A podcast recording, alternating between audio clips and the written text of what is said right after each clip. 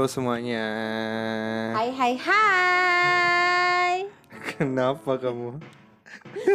Seneng Senang kenapa? soalnya eh, hari ini dikabarin eh, apa kan aku kayak invest gitu kan Heeh, sesuatu gitu Heeh. ke usaha seseorang heeh. terus lumayan dapatnya gitu Oke. hari ini jadi Itu hal yang kamu syukurin hari ini. ya? iya itu Wow. kayak luar biasa gitu konsisten sih emang seper Iya bulan iya iya iya. dan lumayan buat bayar listrik Iya, iya, buat apa ya kayak beli bensin sama bayar listrik lah nggak Macem-macem. nggak semuanya Iya, di luar dugaan sih sebenarnya di, di, dipikir Mm-mm. eh, daya beli masyarakat turun, tapi ternyata masih ada yang Makin. mampu untuk membeli hal Iya. tersebut. Karena sebenarnya ini ini relate dengan momentum sih sebetulnya ya. Ini relate dengan momentum bisa jualannya. Gitu. bisa jadi Kalau aku sih yang aku bahagia hari ini sih aku masih bisa konsisten ber- berolahraga sih sebenarnya. aduh Itu nggak gini loh. Aku ya kan aku pernah cerita ya di episode sebelumnya gue olahraga gay banget sebenarnya. Tapi semu- kemudian sempat kayak yang eh, udah jarang terus sekarang pengen coba dimunculkan kembali beberapa bulan terakhir gitu. ya Walaupun beberapa bulan terakhir sempat kayak turun, tapi karena gue sempat ini sih, karena ini mumpung, mumpung lagi lebaran kan, eh lagi lebaran, lagi puasa kan. Nah, Ramadan lagi Ramadan. Iya, saya konteksnya puasa. Karena kalau lagi puasa itu, eh, ini kalau nggak salah gue pernah baca lah ya. Kalau kita ini olahraga yang eh, bagus itu pas lagi kita mau buka-buka puasa sebenarnya jam 5-an lah kayak gitu. Kenapa?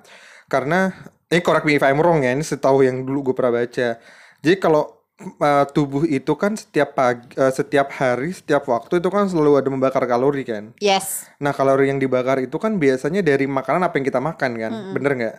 Nah, biasanya kan kita makan pagi, terus dari pagi menuju siang, nah kalori makan di pagi itulah yang kemudian dibakar. Hmm. Terus kemudian kita makan siang menuju menuju malam atau sore, nah kalori selama itulah yang dibakar dari makanan siang dan seterusnya gitu. Hmm.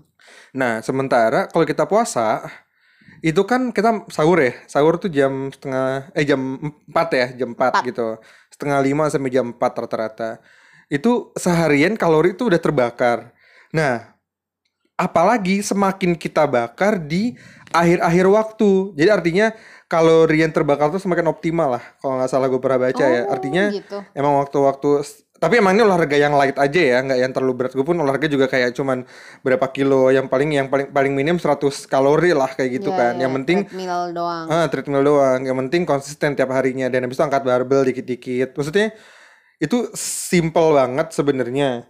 Tapi menurut gue tuh yang penting adalah konsistensinya itu gitu.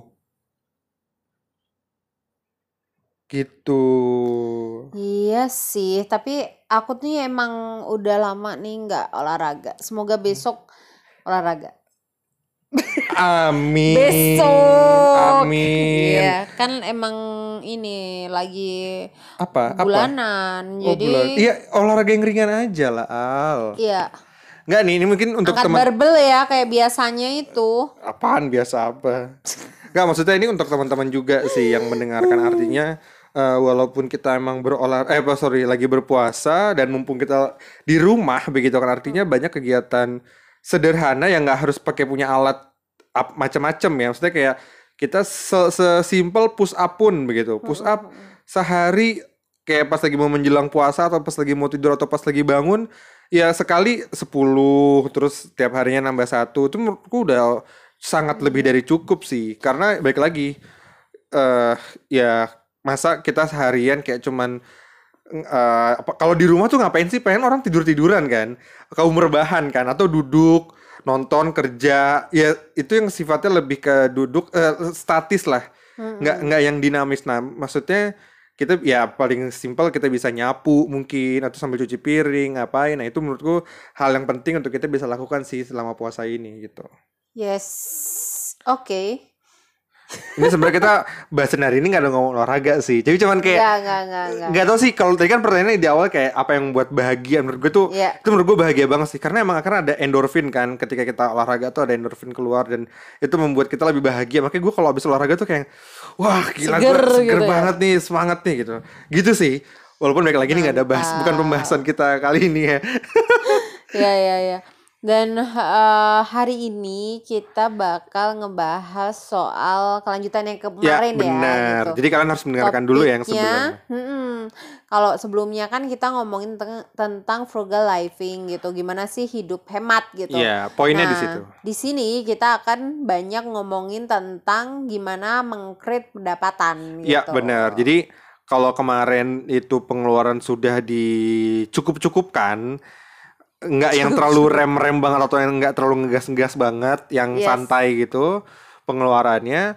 Nah, ini sekarang yang kita bahas adalah kan dikeluarin nah yang dimasukinnya gimana nih kayak gitu. Betul. Nah, jadi kalau di kami kebetulan kami dua-duanya bekerja. Iya. Jadi pasangan suami istri yang bekerja di luar rumah. Eh, maksudnya di kantor gitu ya. Keluar rumah di jalanan di taman. Nah, eh tapi mungkin kayak kami juga punya mimpi gitu kan Iya. buat selanjutnya itu ya kalau bisa tuh kerja ke mana-mana bareng Ya, terus ini ini pas lagi awal nikah ya. Pas awal Mm, nikah tuh kita kayak punya aiming tuh seperti itu Iya. gitu. kerja itu ya bareng-bareng terus lah gitu nggak nggak terpisah sama tempat kayak misalkan Heeh. eh kalau usaha dagang atau apa itu kan bareng-bareng ya sama suami Iya, gitu iya. kan ya ini juga sebenarnya 9 minggu ya mun aku nggak kerasa banget loh yang Wow. ini udah 9 minggu di rumah Ih, dan gokil ya. ya Wow. artinya kan aku udah sih, dua bulan 9 loh ay Hah, udah dua bulan Almost di rumah itu ternyata eh apa namanya juga nggak se- nggak semembahagiakan yang difikirkan wah kalau di Hmm. rumah ini gitu ya tetap aja butuh balance kayak maksud kami itu adalah eh, lebih ke kayak kerja bareng tapi bisa keluar rumah juga bisa enjoy eh apa kehidupan di luar juga gitu sih. Nah, kalau kebetulan kan eh guanya konsultan, suami eh kerja alirannya tuh komdev gitu, community development. Kalau Hmm. gue HR, bidangnya ya gitu, Iya. aliran Kalau industrinya kamu konsultan, aku Hmm. di startup. Ya, gitu. startup gitu.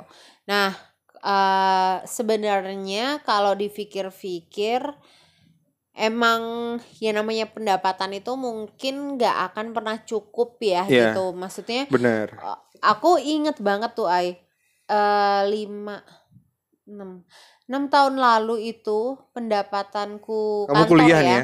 Oh, Enggak, oh enggak, 6 tahun kerja, udah pindah kerja. kantor ya? A- awal berkarir berarti. awal awal karir itu pendapatanku itu adalah eh sepertujuh sekarang gitu Iya, iya, iya. iya, Dulu. iya. itu dari pendapatan kantor yang sekarang ya dibandinginnya itu sepertujuh which is eh itu angka yang waktu itu itu angka yang gede loh buat aku gitu Iya. Sebagai Angka orang itu. yang lulusan baru lulusan ya. baru karena kan aku terbiasa hidup dengan satu juta Satu rupiah juta yang dari beasiswa dari itu. beasiswa nah ini dapat dapatnya segitu Yang empat- itu kayak naik lima kali lipat, empat kali lipat ada ya. iya Iya di awal di awal karir kan kurang lebih segitu dari kan. maksudnya dari state-nya kan dari sejuta ke sekian juta itu. Ya sebesar itu sih Ya, gitu ya, buat ya, ya. aku pribadi itu kaget tuh ay Kalap dong. enggak enggak, enggak? alhamdulillah jadi aku kaget aku sempat kaget sama pendapatan terus kayak jadi suka eh apa namanya buat apa nih gitu Iya. Nah sempet ya nggak kalap sebenarnya tapi kayak aku tiap bulan tuh punya sepatu baru meskipun harganya murah ya. Bentar, itu bentar, bentar. itu kan kalap Enggak, enggak, gimana, woi? maksud aku jangan judgement juga Oh, enggak, enggak. gitu. Loh, Kak, definisi kalap pun maksudnya apa ya? Ya Enggak, suka kan berbelanja kalau- kan. Iya kalau kalap itu Enggak kan ada yang ngomong hedon, enggak ada. enggak sih. Ya Enggak. gitu. Iya, enggak nah. apa-apa.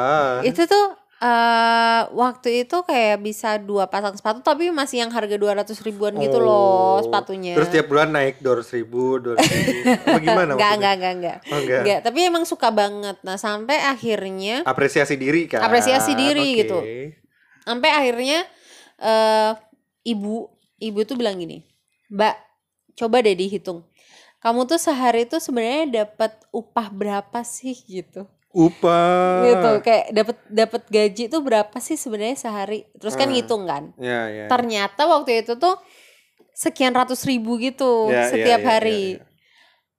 I- Itu masih di angka satu loh, di angka seratusan ribu Ya, ya, something, ya, tapi ya, emang ya. udah hampir udah hampir dua ratus ribu gitu. Hmm. Nah, terus di situ mulai refleksi kan, gila ya, gue eh tiap hari berangkat subuh, Pulang bisa jam 1 jam 2 malam, Hmm. itu dihargain sekian ratus ribu. Itu kotor loh ya, maksudnya nggak termasuk transportasi, Oke, iya nggak termasuk pajak juga gitu. Terus, Terus bayar habis kosan, gitu, Bayar kosan, makan gitu. savingnya nggak ada. Akhirnya kalau dihitung-hitung savingnya berapa itu eh tapi aku kan hemat ya. Aku udah Hmm. cerita kan mungkin sebelumnya. Itu kayak 70% gajiku tuh bisa buat ini, buat Investment. investasi dan nabung gitu. Jadi sebenarnya kayak kamu investasi pun udah dari awal juga ya. Udah, udah, udah. Jadi dari yang eh, di awal berkarir itu pun sudah mulai udah. langsung mulai investasi Udah, udah. Karena sebelumnya pun udah mulai kan ya. Ya, jadi aku emang nggak terlalu terpengaruh dengan Hmm. eh, apa kehidupan hingar-bingar ibu kota sih gitu. Iya, iya. Nah, balik lagi ke pendapatan, pas dihitung itu kan akhirnya nyesek ya. Oh ternyata cuma dapat segini Hmm, gitu kan. boncos nih. Boncos nih gitu. Terus Boncos. mulai ngitung ay, Hah? kapan bisa beli rumah di kota? Kalau misalnya segini segini Kalau segini aja gue ya. nih nggak akan bisa beli rumah di kota. Heeh. Terus pemikiran kedua, kapan gue bisa beli mobil cash? Ya, ya, ya, ya, ya. Itu pun aku hitung ya. Aku hitung pakai kacamata normal. Itu kayak bisa sekian tahun tapi lu harus hidupnya super hemat gitu loh. Dengan pendapatan yang pada saat itu tetap. Heeh, dengan pendapatan saat itu.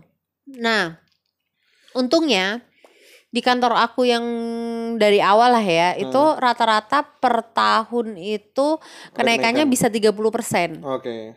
Which is Walaupun itu uh, ada appraisal performance dulu dong. Iya, iya, iya. Jadi nggak melulu Nggak, 30%. Enggak, itu emang karena performance-nya oke, Oke, jadinya naiknya tuh yes, bisa benar. bisa sampai segitu.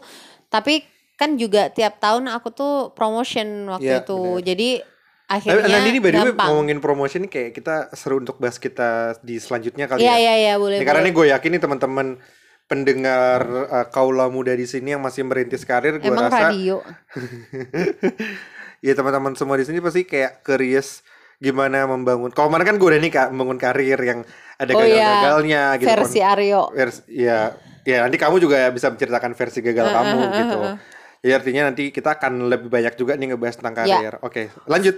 Nah, terus nah di situ nih kalau kamu kemarin cerita kegagalan karir, aku ngerasa aku gagal juga secara pendapatan gitu. Oke, belum Ngerasa merasa kayak cukup. nggak ngerasa cukup sama sekali. Terus tadi dengan pertimbangan-pertimbangan nih gue kapan punya. Kamu ngomong nggak cukup karena kamu mencoba menghitung dengan ingin memiliki rumah kan?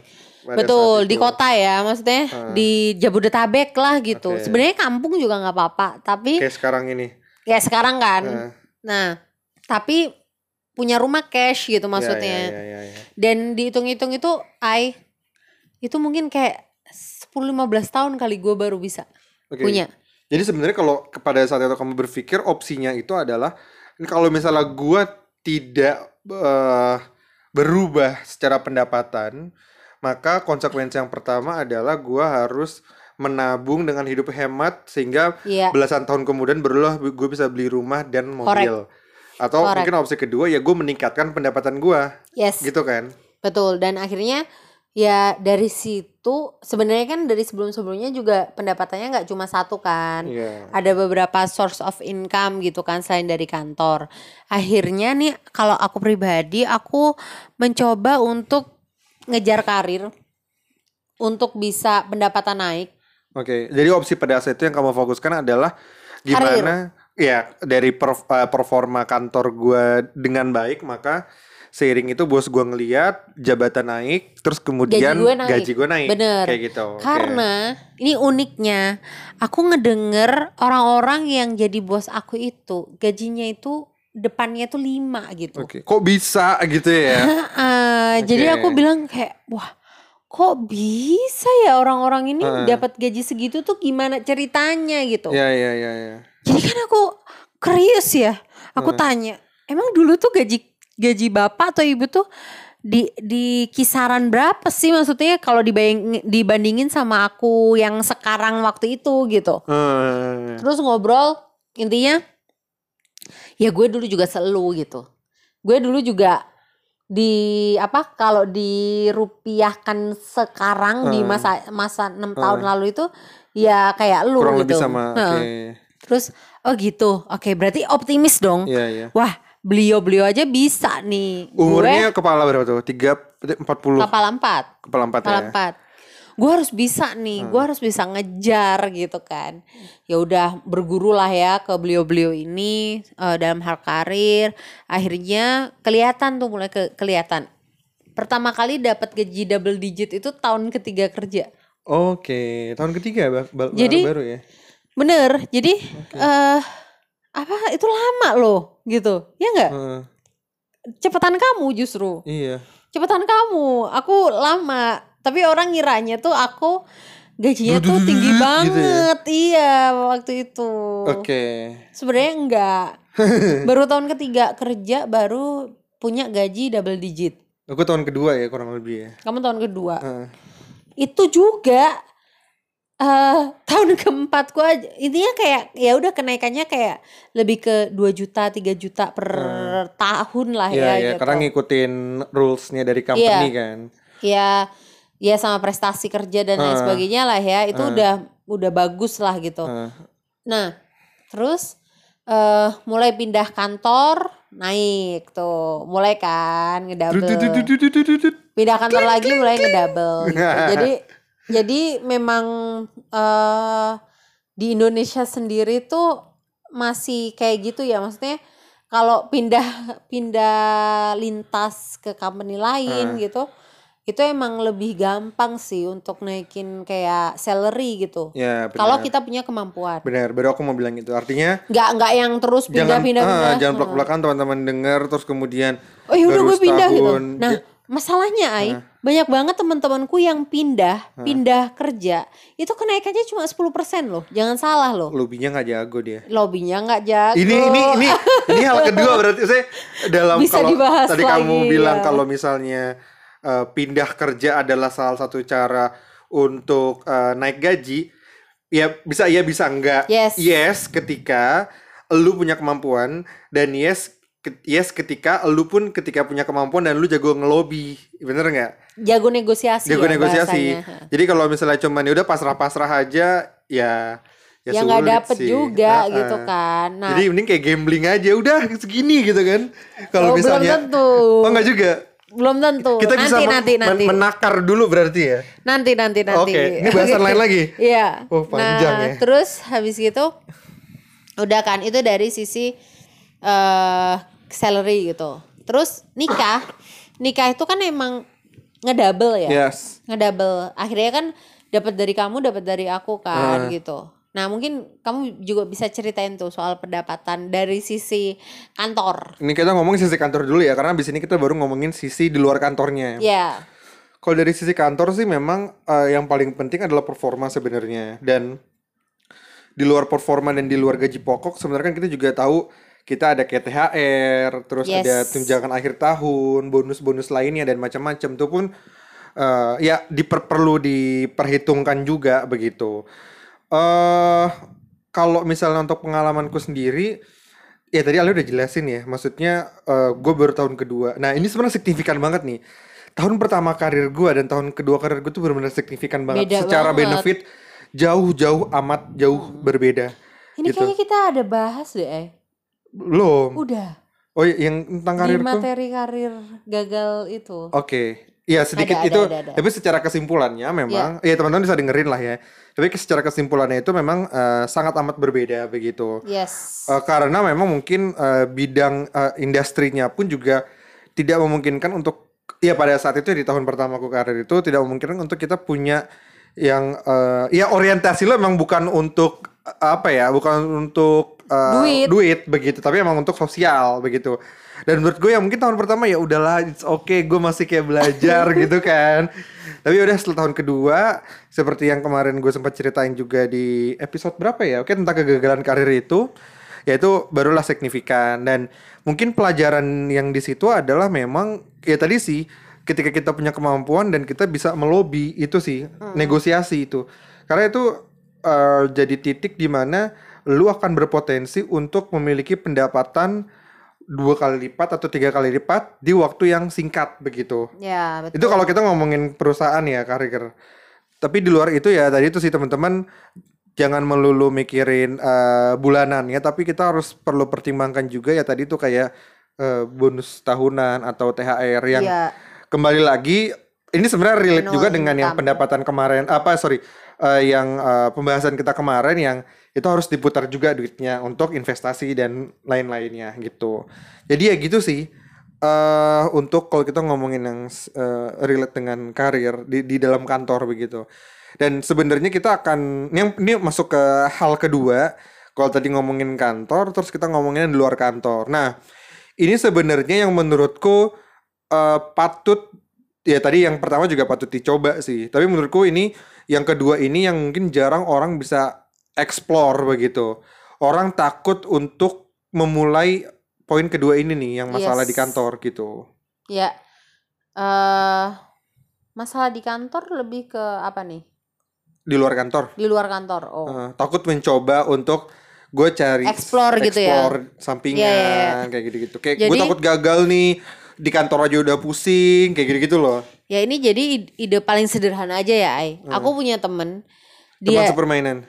sepermainan. nah, jadi jadi dia itu eh, beli gorengan, Ai. Oke. Dari pedagang gitu kan, pasar pagi gitu, pasar subuh gitu-gitu. Pas kamu di Depok. Di enggak, di Tangerang. Oh, udah kerja ya. Iya udah kerja. Oke. Terus habis gitu dia juga satu perusahaan. Terus dia eh, taruh gorengan-gorengan itu di eh, pantry-pantry. Oke. Ya udah, nanti duitnya taruh di celengan gitu. Oh, kayak Ada kantin kaleng kejujuran. gitu. Iya. Oke. Dan itu dia untung gede, woi. Iya sih. Itu- Paling kan harganya satu lima ratus. Dia jual berapa? Seribu. Wah dua kali lipat. Iya. Nggak ada ongkos apa pun Modal ya. modal bawa doang loh, bayangin. Iya.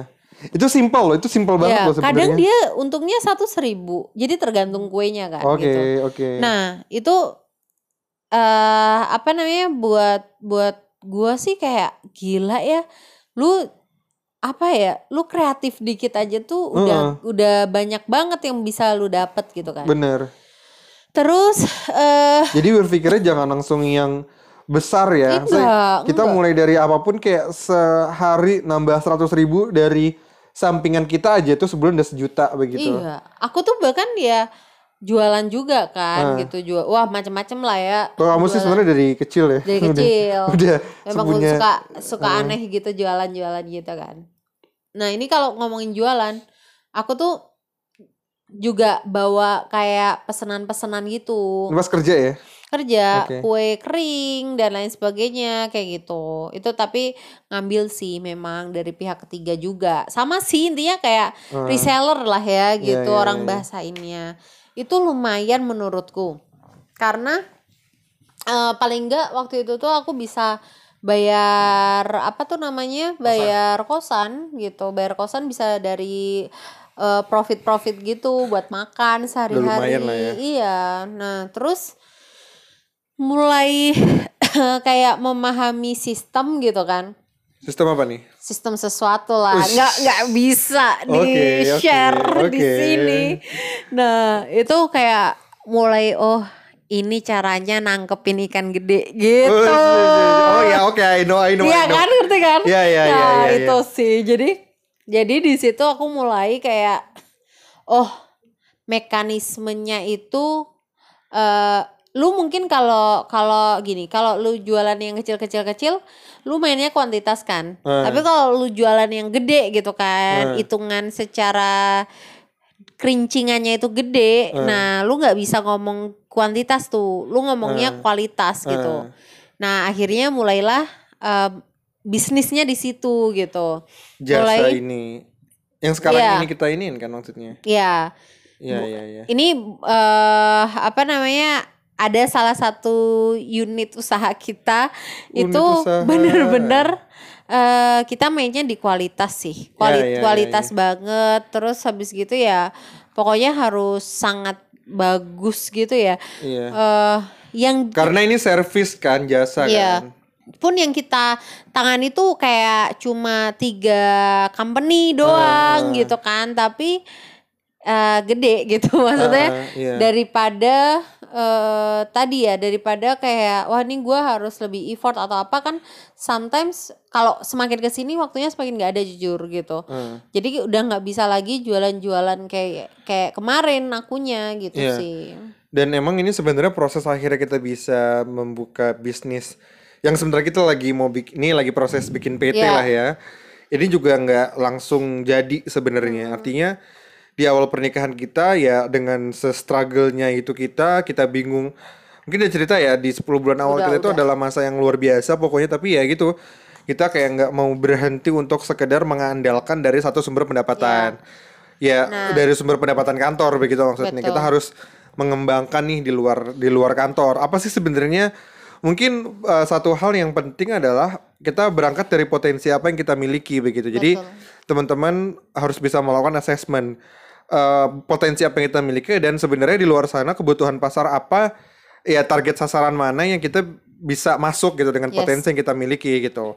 Bahkan kemarin anak-anak karir kelas kan ada kelas namanya set hustler kan Ai. Yes. Itu mereka jualan ada yang jualan daging, Iya, ada yang iya, iya, jualan iya, iya. salmon, Bener. ada yang jualan eh, apa ayam, ay, ayam Macem-macem potong. banget sih anak-anak. Iya Terus itu dari PY. situ aja lumayan gitu Ah, loh. Bener, bener banget. Main banget. Kemarin ada juga ada salah satu kelas side hustler di karir kelas gitu. Hmm. Ada satu orang dia bisa dapat 8 juta. Wow. 8 juta. Dari di sisi prak dari sisi praktek. Aku nggak bisa sebut nama produknya. Ya, ya, ya, tapi itu bisa 8 juta. Itu kayak Dalam berapa Oke. lama waktunya tuh? less than one month. Wow. itu lu belajar lo ya. Lu Ah, belajar ah, dari ah. nol Iya, dan iya, lu iya. bisa dapat segitu. Itu gede banget kan? Ah, ah, nah terus eh, ada temen aku juga. Dia bantuin jualin sajadah gitu. Sehari bisa kejual 10 ah. Minimal lah minimal dia 10 sebulan dia bisa berapa Berapa? sembilan setengah juta Wow. sekitar ya hampir 10 lah dia gitu Wow. Dan itu semua dari uang yang kecil. Ah, Dari uang yang orang mikirnya, "Hah? Lu ngapain lu sarjana jualan jualan sajadah ah. gitu Pokoknya kita main kan?" kuantitas kan untuk yang ini kan. Kalau itu mainnya kuantitas. Ah, ah, ah. Terus ih untungnya cuma segitu doang gitu. Untung untungnya untungnya kecil banget boy gitu Let's kan. untungnya satu dua puluh ribu begitu iya, kan. tapi lu kan kalau bisa jualin banyak kayak banyak Ah, ah, gitu. bener, bener sih. Gitu Jadi eh mungkin menurutku untuk eh, teman-teman yang memang masih mau merintis di awal, poin pentingnya tadi itu berangkat dari potensi, terus kemudian melihat pasarnya apa, dan juga yang paling penting persistensi sih, konsistensi. Mungkin Iya. memang akhirnya tidak di percobaan pertama kita kita berhasil begitu. Kayak kita pun eh, kita sempat gagal jualan sirsak, kalau udah beli eh, Ya, udah di- kulkas, udah beli kulkas, terus eh ternyata ditipu begitu. Iya. Terus waktu Tapi- mau jualan macam-macam ya kita kayak belum ke situ. Akhirnya ya tadi itu kita akhirnya mainlah ke yang sifatnya menjual otak kita dan itu kayaknya yang tadi Yang itu mungkin cocok. ah yang paling cocok dan big Nah, fish tadi itu. Tapi memang kalau baru-baru nih Ay, Heeh. jadi reseller itu udah yang paling bener menurutku Iya, ya, iya, iya, gitu. iya. Kalau kalau masih Jadi kita baru nggak harus punya belajar produk dagang, sebenarnya kan. Jadi kita Karena- nggak ada resiko. iya. bener karena dari dulu itu yang dilakukan. Heeh. Nah terus habis itu tadi kan udah ya uh, ada dari kantor, terus jadi reseller gitu. Apalagi sih yang memungkinkan? Nah ini kalau teman-teman uh, ada waktu lebih lah ya gitu, coba kulik kulik uh, produk gitu. Kayak beberapa temenku nih, Gimana tuh Ai, uh, dia itu kreatif gitu, Oke. kreatif. Kayak misalkan Fahma gitu. Heeh. Ini aku sebut merek aja Oh, karena yang kemarin, kemarin ngisi baru iya kelas baru ya? ngisi karir kelas. Dia tuh super kreatif. Anaknya wah keren banget. Cynthia. Cynthia Hmm. juga eh, dia kreatif banget. Dia punya punya toko eh, merchandise gitu kan. Oke. Terus habis gitu banyak sih maksudnya aku punya banyak teman-teman yang seperti eh, mereka ini mereka kreatif mau ngulik dan juga akhirnya bisa dicek lah ya jualan mereka itu nggak nggak nggak ini nggak ada yang nggak laku menurutku gitu. Iya, dan kamu tahu sendiri kan maksudnya itu temanmu dan kamu tahu bagaimana dia memulai dari nol Iya. sehingga mulai dari sekarang Iya. dan artinya eh memang pastinya nggak singkat. Bener. Tapi akhirnya dia itu akhirnya terus mencoba ya eh, berbagai macam produk sampai ya mungkin orang kan ngelihatnya ah lu udah berhasil ya udah Iya. berhasil padahal di lain itu ada banyak ceritanya bener. terus Asri Eh, Asri itu mengembangkan produk-produk pertanian. yang kemarin Dia- karir kelas juga betul. ya. Yang kemarin karir kelas dan dia melihat yang orang nggak lihat gitu. Oke. Dan kalau dibilang seberapa gede ya gede banget gitu. Eh, Padahal dulu juga dia juga ceritakan gitu di kelas gimana struggle-nya. Ya everyone pasti punya cerita struggle masing-masing sih Bener, gitu. Bener, bener. Dan eh, itu bisa bisa sangat dicoba sih teman-teman coba kulik produk, explore yang kira-kira produk itu tuh bisa cuanable gitu, bisa jualable cie Hmm. Iya, iya, gitu benar. sih. What else? Jadi eh jangan eh, jadi kalau misalnya kalian di percobaan pertama kemudian berhasil, ya you are so lucky begitu. Iya. Tapi kalau misalnya di percobaan ke-10 masih belum berhasil, ya lu nggak sendirian, lu punya banyak teman yang juga Sedang berusaha. berusaha sama berusaha dan orang yang saat ini mungkin ya eh, secara bisnis sudah berhasil pernah juga di posisi lu begitu. Betul. Jadi eh ya gitu sih maksudnya khawatir akan kegagalan, khawatir akan uh barang gua nggak laku nih atau dagangan ya dagangan gua nggak ada yang beli, terus kemudian bingung kemudian gua mau memproduksi apa, bingung nanti wah banyak bingung sih teman-teman. Dan karena gua pernah merasakan itu juga begitu kan kayak nggak pede untuk berjualan. Karena beda banget nih. Kamu yang dari dulu kecil sudah berjualan. Jadi Ala tuh dari dijualin. kelas 6 eh, dari SD yang kamu Oh, dari kelas 2 SD aku. Oh dari 2 SD. Oh iya. Dari awal SD kamu bikin toko kelontong sendiri. Iya gede. Terus keliling eh, buat narik-narikin apa utang. Utang-utang orang. Itu lucu banget. Lucu banget Ntar parah. anak kita kayak gitu sih Amin, kayaknya. amin. Kita ya kita harus mempush mereka untuk Support. kayak gitu sih. Heeh. Sebenarnya beda kalau gue sendiri, gue memang eh, enggak orang yang dagang gitu sih gitu. Walaupun si ya mamah pernah mendorong juga pas lagi kayak SMP jualan coklat tapi ya mungkin gue belum tersadarkan kali ya di Malu, situ. malu ya. Malu sih lebih ke situ. Ya mungkin ini lain ini salah satu hal lainnya juga sih. Hmm. Malu sih karena itu gue pernah di tahap itu juga malu untuk kejualan. Ya. Karena mungkin kalau misalnya lu kayak jualan, lu udah kerja nih ya, terus lu jualan, seorang pasti mikir kayak Gaji lu kecil ya? Gaji lu kecil ya? lu nggak mampu? Apa lu mau miskin? Iya. Itu sih. Jadi menurutku ya udah sih pasang muka tebel aja, so what gitu loh. Kecuali orang yang ngatain lu tuh orang yang ngasih duit tiap bulan ke lu gitu. Itu sah-sah aja lu mau ngata-ngatain lah. Ini hidup-hidup gua gitu kan. Betul. Apalagi sekarang tuh udah advantage banget sih dengan adanya sosial media. Artinya kita bisa Lebih jualan jualannya. jualan tinggal dengan jari terus adanya marketplace udahlah menurutku juga aku yakin di luar sana tuh banyak sekali banyak amat sekali seminar motivasi tapi kalau misalnya kita pun habis teman-teman mendengarkan ini pun nggak melakukan apa-apa ya ini pun juga akan menjadi sia-sia juga sih Betul. Terus apalagi ya? Hal lain yang bisa diuangkan. Maksudnya menghasilkan uang. Nah, ini kit- kita Aryo sih lebih tepatnya dia datang ke temennya ngobrol sama temennya yang financial planner terus dia tanya ke temennya eh gue nih mau sama istri gue mau apa namanya pensiun, Pensiun. dini Oh, gitu iya, iya, kan iya, iya. Terus kira-kira eh kita harus nyiapin duit berapa ya biar bisa survive. Terus dihitung kan, dihitung, Heeh. dihitung, dihitung. Terus si temannya ini nyebutin eh, sebuah nominal gitu. Dan mereka nyuruh Aryo untuk naruh uang itu di deposito, yes di deposito. Nah kalau lu punya, macam-macam sih ada deposito reksadana macam-macam ya tapi kan nggak yang beresiko kan Iya, gitu. iya, iya. Karena eh, tujuannya adalah Jangka bisa panjang. diambil dan Yes. untuk konsumsi Iya, gitu iya. kan. Nah pas udah kayak gitu, Arya udah bilang nih ke temennya itu kan, terus eh, udah dihitungin, kita mikir gimana caranya kita bisa dapat uang segitu iya gedenya, bener ya nggak? Itu salah satu trigger juga ya ya itu itu hal yang men-trigger kita dan itu terjadi satu setengah tahun lalu. Heeh. akhirnya eh eh, akhirnya alhamdulillah tuh Allah kasih jalan ya. Allah kasih jalan, Bener. kasih peluang. eh terus kita mencoba untuk melakukan yang disarankan oleh si financial planner tersebut gitu. Heeh. Dan eh syukurnya adalah ternyata bener. Ternyata bener banget eh, penghasilan yang didapatkan dari eh, deposito, terus Heeh. habis gitu ya reksadana dan lain sebagainya itu itu cukup banget untuk kayak membantu kehidupan kita sih gitu. Bener. Itu eh ya tiap bulan kan ya sifatnya. Heeh, heeh, heeh. Nah, ternyata secara hasil alhamdulillah gitu ya. Benar, benar. eh sesuai lah ya gitu sama yang dibilang. Dan juga eh paling enggak itu safety net kami sih.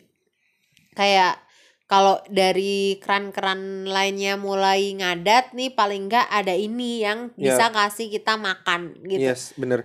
Pokoknya ukuran minimal kita itu beneran eh, pendapatan dari A bisa buat makan, pendapatan dari B bisa buat makan, pendapatan dari C bisa buat makan. Jadi eh kan kita nggak pernah tahu ya di kondisi pandemi nih kayak gini. Benar. Pendapatan mana, keran mana yang bakal ketutup gitu. Yes. Nah, ini salah satu ini sih menurutku sih Ai gitu. Iya, iya. Jadi memang eh, mungkin teman-teman kalau misalnya masih dari apa yang kita jelaskan mungkin masih bingung untuk realnya kondisi gue tuh seperti apa sih ya tadi sih mungkin bisa financial check up sih ke Ya. si eh, financial Memang- planner dan lain-lain. Memang ada biayanya Ada gitu. biayanya. Tapi, Tapi ya gue karena teman gratis sih kemarin. nah gitu sih jadi kayak emang ada biayanya tapi Tapi penting sih sebenarnya. gue itu Eh. penting banget untuk dilakukan Benar. pergi ke orang yang punya ilmunya dan belajar dan di Eh. situ lu akan investasi banyak banget Bener, gitu. dan contohnya kayak eh ya kita secara nggak langsung sebenarnya kan kita juga punya kayak semacam uang darurat kan sebenarnya kan dari yang Hmm, eh, dana kita udah darurat. eh, dana darurat. Nah, sometimes atau mostly sebenarnya orang-orang nggak aware tentang dana darurat tersebut begitu. ya Dan ketika pandemi ini baru kemudian berpikir, oh ya dana darurat nih harus gue punya begitu. yes Ya ini mungkin jadi pembelajaran bagi kita semua.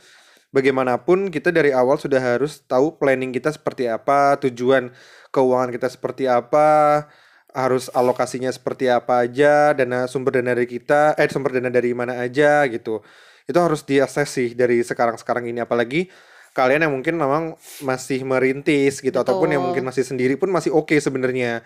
Ya intinya nggak ada kata telat sih untuk kita merencanakan keuangan dan Mm-mm. ya toh ini kan sebenarnya balik lagi untuk kita kita juga kan untuk jangka panjang sebenarnya jadi kayak CFP ya sekian ratus ribu atau juta lah ya untuk Apa? eh, juta ya kalau dua juta. ratus ribu atau juta? Berapa sih? CFP ya tergantung ya macam-macam ya. tergantung tergantung, tergantung sih. iya tergantung iya sih. Ya itu sih kayak cuma dua jam tapi menurutku itu adalah eh, hal yang impactful sih untuk Iya. eh, hidup kalian lebih masing-masing. dari lumayan. Heeh, pastinya Nah, gitu. terus juga nih yang menurut eh gue penting nih kayak sekarang nih kan lagi coba ya, coba bisnis-bisnis kecil-kecil. Nah, ini kita mulai lagi nih yang perintilan-perintilan. Jadi awalnya perintilan gagal, terus kita main di kualitas di otak gitu kan. Baru kita Terus coba main mulai- perintilan lagi nih sekarang nih, nih. ini mulai beberapa lah ya Eh. gitu, beberapa dalam satu waktu, tapi memang pengelolaannya tuh bukan di kita sih. Yes, kita minta orang karena kita Karena kita sadar diri. akuin Sadar diri. eh, kita akuin kita kayak nggak mampu untuk melakukan itu sendiri. Jadi Eh, butuh kayak, partner. ya ini lebih ke bisnis yang misalkan bapak kan pinter banget masak kita Ini yang mau kita bikin- coba salah satunya ya, nih, baru-baru kita ini. bikin sambal Eh. tunggu nanti ya kita akan launching sambal daging bapak Jono Atau Cie. kalian semua yang mungkin mendengarkan kalau kalian butuh makanan catering apa pun, ini apa pun ya, Hmm. apa pun, insya Allah kita bisa lah. Palu gada, lu mau apa, gue ada gitu. Karena emang bapak tuh seenak itu sih makanan. Iya, Bapak- Apalagi sekarang dengan ada YouTube, jadi bapak tuh sekarang akses YouTube banget guys. Ada handphone, ada wifi. oh my god lu lu pada harus ke rumah gue Iya. Hari Untuk- hari ini aja spesial ya. hari ini empat jenis Empat makanan jenis makanan dan uh, ada yang apa tahu isi baru tuh ada bapak. tahu isi Bapak belum pernah guys bikin sebelumnya. itu benar-benar katanya dilihat dari YouTube Dan nggak dicoba loh. Nggak dicoba maksudnya. karena puasa Ah karena puasa kan, jadi nggak dites gitu, enak nggak? Pakai feeling, pakai feeling. Dan itu enak banget. Kalian kalian kalau nyoba nangis itu itu terlalu enak. Nah, makanya eh, tadi Bapak udah bilang kayak eh, mau dong kayak punya warung gitu. Ah. Jadi nanti kita insya Allah bikinin warung ya Nanti buat kita bapak. bikinin warung digital buat bapak nanti. Insya Allah. Nah gitu, jadi eh ini udah mau mulai coba-coba untuk warungnya bapak, war ya kecil-kecilan, lebih ke lauk pauk ya. Ya, Nanti lauk pauk. konsepnya bukan yang kayak jualan nasi gitu, bukan gitu. Jadi emang kita masih lauk mencoba lah ya, gitu. heeh. Masih mencoba. Karena tadi bener kata Aryo, bapak itu mau masak apa pun pasti enak. Heeh, kayak tinggal buka YouTube aja pak, kayak gini pak. Nonton aja 10 menit. Ya Ntar coba bisa. gitu. Bisa bisa. Terus Emang feeling orang koki Bah- itu bahkan bisa. kemarin masak cumi, ay itu cuminya. Oh, gitu ya? banget. Aku dikit tuh nyobain. Bisa kan kamu udah makan buat pagi sama siang tuh aku Iya, lagi nggak puasa. Oke lanjut, kok jadi ngomongin Tapi ini sih. enak. Iya. Nah gitu, jadi Jadi eh, mungkin gini sih, itu relate dengan yang tadi kita ngomongin di awal kayak potensi. Menurutku eh, untuk yang sekarang ini eh, potensi yang kita punya, ya salah satu potensi yang kita punya Ya. adalah bapak kita itu jago masak. Nah, pangsa pasar di luar sana kita yakin banyak anak muda orang rumah tangga di luar sana yang males ya masak, malas masak gitu. Ya. Jadi menurut kita nih kayak ada peluang. gitu. ada walaupun pasar. walaupun ya mungkin kita yakin ini kayak red ocean sih sebenarnya, tapi ya nggak ada salahnya kita mencoba kan. Sebenarnya kita kita bener-bener nggak nggak kalau nih ya di bisnis masakan bapak ini nggak nyari untung, Oke. lebih kepada mengenalkan makanan enak bapak itu ke Mau semua orang. pamer ya? Karena Pamer makanan enak ya? Iya, karena semua acara Dream Delin apa pun itu kan kalau di rumah pasti orang nyari Bener. masakan bapak, Eh. nyari rawonnya bapak, Sambel nyari daging. sambel dagingnya Uh, bapak sambel itu daging mind gitu. blowing banget sih. Sambal daging. Jadi guys. nanti eh, ditunggu aja kita akan segera launching untuk Hmm. sambal daging bapak. nanti kita akan kasih giveaway juga sambal daging oh enggak ya? belum belum mulai udah giveaway. gitu. Jadi siap-siap ya semuanya. Yes. Oke, Oke. jadi seru banget nih kita ngomongin pendapatan. Walaupun gue yakin yang kita omongin ini masih segelintir banget per masing-masing. Kayak contohnya pendapatan di luar pun kita nanti mungkin akan bisa diskusi juga tentang gimana sih akhirnya kayak kita benar-benar bisa mendapatkan eh, pangsa pasar begitu. Ya. Atau mungkin nanti sama kita di uh, episode-episode selanjutnya kita bisa nih nanti kayak ngobrol bareng teman kita juga di podcast ini Oh yes. yang punya bisnis ya. atau ya untuk topik apa pun lah. Jadi ini uh, di dua terakhir episode kita udah ngomongin keuangan, terus di episode awal kita ngomongin apa ya catatan pribadi kita juga begitu kan. Nah jadi kalau misal teman-teman pun ada mau punya masukan apa pun itu silakan DM ke kita uh, di Instagram @aliaaryo untuk di apa ya uh, topik apa nih menurut kalian yang menarik untuk kita bahas lebih dalam lagi begitu. Yes, betul banget. Jadi eh, stay tune. Yeah. di catatan Di cerita. catatan cerita kita. Sekali lagi terima kasih teman-teman sudah mendengarkan. Mohon maaf kalau ada kesalahan. Bye-bye. Bye.